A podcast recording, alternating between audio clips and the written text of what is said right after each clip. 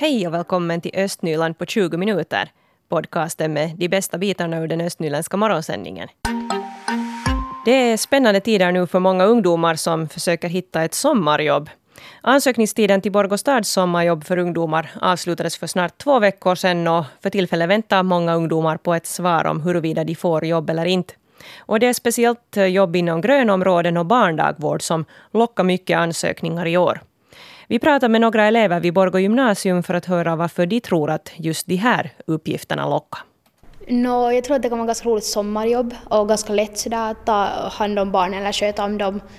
Och just att, själv har jag inte sökt till det, men jag tror att liksom, det skulle vara ganska kiva liksom att hålla på med det på sommaren. Just att, för att det är ganska många andra yrken som kräver något annat. Sådär, att det är just ett av dem som är liksom ganska lätt liksom, sådär, som ung att jobba i. Borgostad erbjuder årligen ungefär 100 sommarjobb åt ungdomar mellan 15 och 23 år inom många olika slags uppgifter. Årligen är det ändå några uppgifter som lockar mera. Så här säger Eva Pulkkinen på Borgostad. Några arbeten är eh, förstås lite populärare än andra. De populäraste arbetsplatserna i år fanns inom barndagvården och grönområden har varit alltid populära. Det har nog varit nästan varje år lite likadan. Jag besökte Borgå gymnasium för att fråga eleverna där varför det är just barndagvård och grönområden som lockar. Det är nu sånt som man kan arbeta med ganska lätt och du behöver inte kunna så mycket för att vara där. Och det är ganska sådär lugna jobb. Um, jag vet inte, jag har själv också nog sökt i det här gravgården efter jobb och så därför att det verkar kiva och så här på sommaren att om det är fint väder så är det kiva att få vara ute och jobba. Varför tror du att det lockar att, att jobba med barn? Inte vet jag, säkert för att barn är kivoga och så här. Trots många sökande så finns det ändå uppgifter och arbeten som har fått färre ansökningar. Eva Pulkkinen på Borgå stad berättar så här. Det är lite, lite dåligt med, med ansökningar till äldreomsorg och häls hälsotjänster. Jag såg att det var 28 stycken som har sökt och det finns 24 platser. Att, varför vill inte ungdomarna jobba med, med äldreomsorg? Ah, no, det kan du fråga från ungdomar själv. det är ganska intressant att veta. Är det alltid så att det är få sökande dit? Ja, det är varje år. Det är lite svårt att få dit människor. Har man större chans att, att få en plats då om man skulle söka sig till, till äldreomsorgen? Ja, mycket bättre, bättre möjligheter att få arbetsplats därifrån. Man kan då fråga sig varför äldreomsorg inte lockar ungdomar. Och det var precis det här som jag frågade eleverna och så här svarar de. Svår fråga. Jag har nog kompisar som har jobbat där och har tyckt om det nog. Och sådär. Men det beror säkert bara på vad man själv tycker om. Skulle du själv kunna tänka dig att jobba inom äldreomsorgen?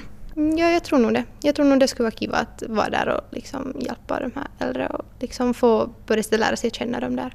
Varför tror du att ungdomar inte söker sig till äldreomsorg? Det är kanske liksom ganska mycket ansvar. Det är sånt annorlunda ansvar. Man måste köta med riktiga människor. Och sen, no, inte vet jag vad det och Det är kanske så trevligt. Folk har säkert förväntningar om att det är sånt torka rumpor på gamla människor. Och sånt. Jag tror att det är lite sådär som Henry sa, att det finns lite så stereotyper runt det. Att bara så här torka rumpor på de där gamlingarna. Men inte vet jag, det är nu något så här, no, stereotyper. Skulle du kunna tänka dig att, att söka dit? No, nej, helst inte. No, det är inte riktigt, tror jag riktigt bara min jotto att vara med gamla människor. Toimar inte riktigt. Jag tror också att det beror på att man tror att de, man, det krävs mera, att liksom just det där närvårdarutbildning, att själv jobba lite, eller så har jag tänkt åtminstone, att det krävs mera för det. Men själv skulle jag nog kunna tänka mig att söka dit. Liksom, jag tycker själv att det skulle vara ganska intressant också. Men jag tror att det skulle hjälpa om man skulle liksom få veta lite mer att vad det krävs och vad man får göra där. Att jag själv, i, när jag var vänelev i högstadiet så fick, gick vi just till ett åldervårdshem och där fick vi liksom eh, just vara med gamla. Men jag tycker att då fick vi lite dåligt kanske information om vad vi skulle göra med dem. Liksom att kanske lite mer om man skulle just få veta att man kan kanske spela något med dem och liksom läsa någonting och så här att det är kanske sen att själv veta liksom vad det är man sen söker till. Och det konstaterar här Frida Granroth.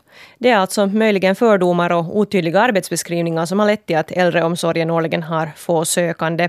Rebecka Svedberg var reporter. Och i inslaget så hörde vi också Eva Pulkkinen som är byråsekreterare, planerare vid Borgostad. Och vi hörde också eleverna Sonja Kukkonen, Henry Heinonen och Simon Johansson.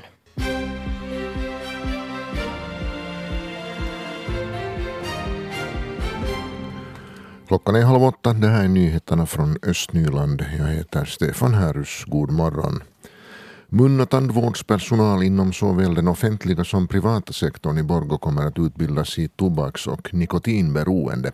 Utbildningen i övermorgon arrangeras av Munhälsovården och Borgå sjukhus. Målet är att utveckla den multiprofessionella vårdkedjan och samarbetet enligt rekommendationen om god medicinsk praxis. Och så till Sibbo där kommunens plan att flytta verksamheten till nya lokaler nu går framåt. Kommundirektören undertecknade i fredags ett hyresavtal med företaget Lival efter ett ja i kommunstyrelsen. Kommunen planerar att flytta in i de nya arbetslokalerna i slutet av året. Flytten kommer inte att påverka de kundserviceställen som finns i biblioteken i Nickby och Söderkulla. En häst lyckades rymma från sin ägare i Karsby i Borgo igår och gick ner sig i ett träsk cirka 30 meter från stranden. Räddningsverket i östra Nyland använde sig av transportsele och lyftvajer för att få hästen ur vaken. Räddningsverket fick arbeta i en och en halv timme med att få upp hästen ur vaken. Veckoslutet har bjudit på en hel del spännande matcher i olika idrottssektorer. Bland annat vann OIF överlägset sin semifinalmatch på bortaplan i innebandyns första division. ÅIF vann med 1-9. Den andra och möjligen avgörande matchen spelas ikväll på ÅIFs hemmaplan i Söderkulla. Och PSS damer vann på bortaplan i Uleåborg mot rankat Ankat i innebandyligan. Matchen slutade 5-10. Laget slutar på andra plats i tabellen och fortsätter nu mot playoff-matcherna. Och Akilles handbollsherrar förlorade igår mot ligalaget Pargos IF på bortaplan i en kvalmatch för FM-ligan. Matchen slutade 40-37. Och i övermorgon fortsätter Akilles spela, då hemma i Borgo mot HK, HK Pötsi från Helsingfors. Basketlaget Tarmo från Borgo förlorade för sin del eh, sin match mot NMKI från Uleåborg med siffrorna 108-98. Därmed är säsongen över för Tarmos del som slutar under strecket i tabellen och det här innebär att Borgolaget faller en division med tanke på följande spelsäsong. Den 14 april är det ju dags för riksdagsval och vår bevakning inför valet kommer nu igång på allvar. Jag har Mikael Crawford, regionchef här i studion. God morgon. God morgon. Hör du, hur kommer vi att satsa nu inför riksdagsvalet? Nå, som vanligt så bjuder vi på en, en hel del, men den röda linjen i vår bevakning är ju att vi kommer att fokusera på Östnyland. Det kommer att vara en massa material i alla strutar om riksdagsvalet, men vi fokuserar på vad de östnyländska kandidaterna tycker och i första hand naturligtvis vad de östnyländska kandidaterna tycker om de östnyländska frågorna. Det vill säga vi bryr oss i vår bevakning inte så mycket om de här stora riksfrågorna, utan vi är regionala och det är ju betydligt färre, mindre sånt utbud, så det, det är vår nisch. Hurdana frågor kan det handla om? Nå, no, det ska jag nog... Jag menar, vi kommer till exempel att göra en sån här... Eh, vi utgår från Yles eminenta valkompass, vår huvudprodukt är på webben, där vi går igenom alla nio etablerade riks, eh, riksdagspartier. Och där går vi då och tittar parti för parti vad de partierna i Yles valkompass tycker om de östnyländska frågorna. Det här kommer då landa alltså i första hand på webben och uh, sen här nå faktiskt nu om, vad blir det, en kvart så uh, är Stefan här och så berättar om den första partigenomgången. Och blir det någonting specifikt för radio också? Jo, vi kommer också att ha, skulle jag nu säga, traditionella äh, valdebatter. Här är ju naturligtvis begränsningen den att vi äh, fokuserar på östnyländska kandidater som kan prata svenska. Och det här har visat sig vara alltså otroligt svårt att hitta kandidater i, i många av de här partierna. Vi gick ju alltså i vanlig ordning till partierna och bad dem föreslå kandidater. Det vill säga, vi har inte själv valt från partiernas listor, utan vi har gett ut det här till partierna som själv har fått prioritera sina kandidater. Men det visar sig att, att eh, flera av också de stora riksdagspartierna har väldigt få svensktalande östnyländska kandidater. Men jo, vi kommer att ha två sådana här eh, direktsända radiodebatter också. Blir det någonting annat ännu som kommer att synas i vår, våra kanaler? Jo, alltså en stor satsning eh, som vi har är att vi också naturligtvis går till väljarna. Det här kommer att publiceras på Instagram. Vi har valt ut väljare, eller gått till väljare från alla befolkningsgrupper och över hela regionen och frågar vad som är viktigt just för dem i det här valet. Och väljarna har fått säga sitt. Jag tycker att valet är viktigt för, eller kanske någon säger att jag tycker inte att det är viktigt alls. Precis. Nå, hur är det sen då på valkvällen och morgonen efter valet? Hur bevakar vi det? No, det vet jag inte riktigt ännu. Alltså vi kommer naturligtvis att ha en bevakning, åtminstone på, eh, eller på webben under kvällen. Vi kommer att höra de eh, östnyländska kandidaterna, inte alla, för det är ju massor, men vissa östnyländska kandidater be om kommentarer. Hur gick det i valet och så här. Och nästa morgon, alltså måndagen efter valet, satsar vi som vanligt hårt här så att den som lyssnar på oss på morgonen definitivt vet eh, hur gick det? Vad tycker de som antingen kom in eller inte kom in och då kanske också någon liten analys. Men det här jobbar vi ännu med. Jag har inte någon helt klar plan nu för hur den här valbevakningen faktiskt sen ser ut på valafton och morgon. Tack Mikael Crawford. Här på Yle Östnyland så presenterar vi i turordning de nio partiernas östnyländska kandidater nu inför riksdagsvalet utgående från hur kandidaterna har svarat på frågor i Yles valkompass. Och varje parti presenteras enskilt både på webben och i radio. Och utöver det här så ordnar vi två östnyländska valdebatter i radio med svensktalande kandidater. Och en sammanfattning av debatterna landar också på webben. Och det var i februari som vi skickade e-post till de nio riksdagspartierna och bad dem rekommendera en till tre riksdagsvalskandidater som talar svenska. Och partierna fick själva ställa kandidaterna i prioritetsordning. Och vår önskan var att kandidaterna i fråga skulle bo i någon av de kommuner som Yle Östnyland bevakar, alltså Sibbo, Borgå, Lovisa, Lappträsk, Mörskom eller Pyttis.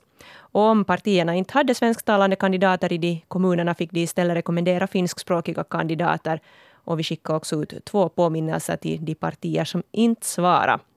De här uppgifterna ingår också här på webben i en liten faktaruta som man kan eh, bekanta sig närmare med då hur vi har jobbat här inför riksdagsvalet.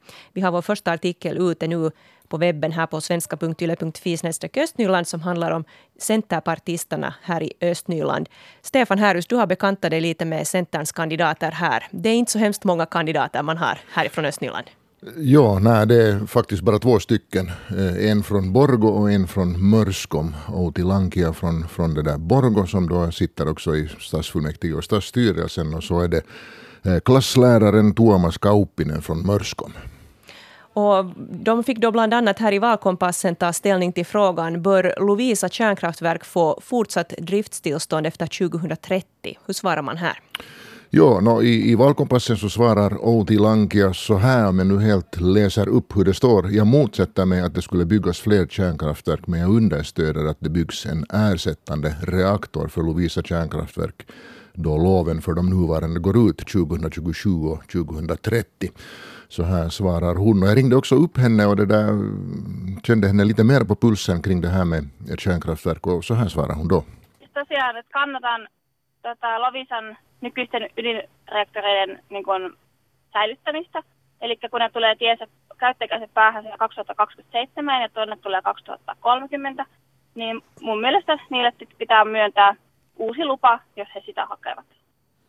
Ja, hon säger också att, att hon gärna skulle höra ett bra resonemang för varför man skulle behöva både förnya de befintliga kärnkraftverken och, och dessutom bygga nya.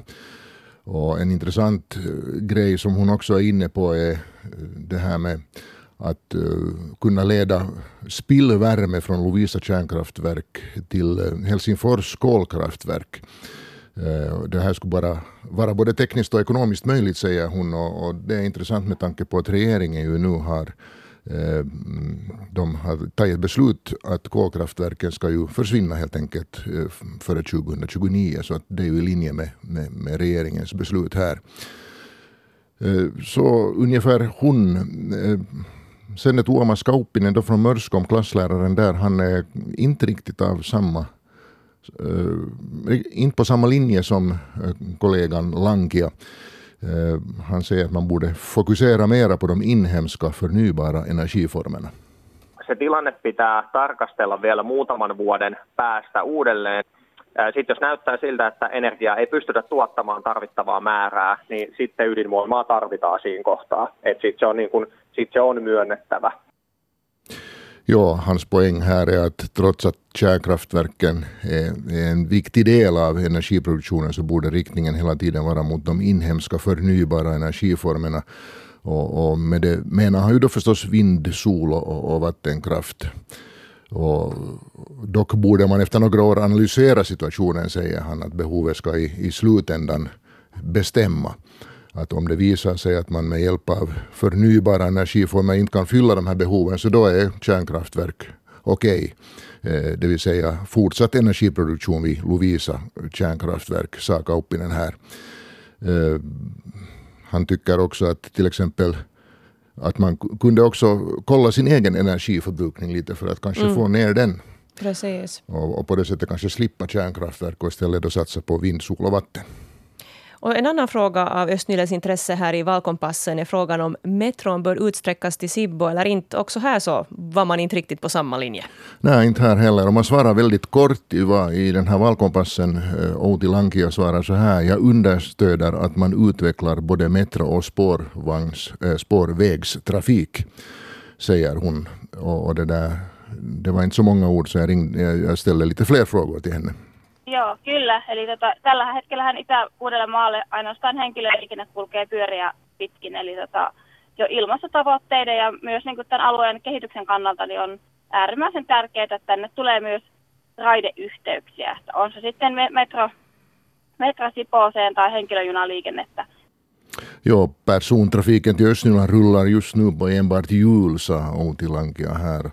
Och utgående då från både miljöaspekter och den här regionala utvecklingen så är det väldigt viktigt att, att vi får också spårtrafik till regionen, sa Lankia.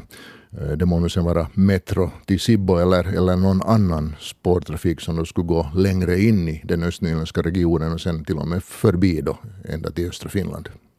Och Tuomas Kauppinen här, han skri, eller du skriver här i webbtexten att han erkänner att hans svar på frågan om metro är lite provokativt. Ja, så sa han. Uh, han säger nämligen så här i valkompassen. Vi bör först fixa de nyländska vägarna skick. Det vill säga, han är nog inte riktigt för det här med metro till Sibbo. Eh, de vägarna är väldigt dåligt skick. Han nämnde till exempel när han eh, kör från Mörskom till övriga platser i Östnyland så tycker han att vägarna är bedrövligt skick. Han säger att han inte har kört på precis varenda en väg men att de, de borde man först satsa pengar på eh, och, och sen börja titta på, på järnväg och metro. Mm. Och du ringde upp honom också gällande det här? Det gjorde jag. Niin jos mietitään, mihin rahaa priorisoidaan, niin, tota, niin, niin esimerkiksi Itä-Uudenmaan alueella on vielä aika, aikamoisia puutteita vielä tuossa tiestössä – esimerkiksi Myrskylän, Myrskylän suunnasta niin kuin eri, eri paikkoihin. En ole tuota, esimerkiksi Porvooseen päin, että en ole nyt en ole jokaista Uudenmaan tietä toki ajanut, mutta että tota, se olisi semmoinen, niin kuin, että, että uskon, että se, se palvelisi tota aluetta paremmin kokonaisuudessaan. Ja, det gäller att fundera på hur vi prioriterar budgeterar medel, budgeterade medel, sa Kauppinen här. Uh, han tror att, att pengar satsade på, på vägnätet skulle serva regionen bättre än, en, en, det där, en metro till Sibbo. Mm. Nå, slutligen så diskuterar ni lite vargen och huruvida den är ett hot. Vad hade de att säga om det här? Ja, det är en aktuell fråga uh, just nu i, i regionen eftersom man nu har sett en och annan varg här och där. Uh, Outi Lankia svarar i valkompassen att i Nyland är inte vargen ett problem, så hon understöder inte att man utfärdar då fler tillstånd att, att fälla varg. Ja, nu har vi inget ljud här på det. Nej, det är sant. du får berätta själv. Ja, ja hon säger vidare att vargen hör hemma i, i naturen, men, men en för stor stam måste man ju förstås begränsa. Till exempel då i norra Karelen där finns, finns det fler. Att I Östnyland upplever hon nog inte att vargen är, är något problem. Nej, just det.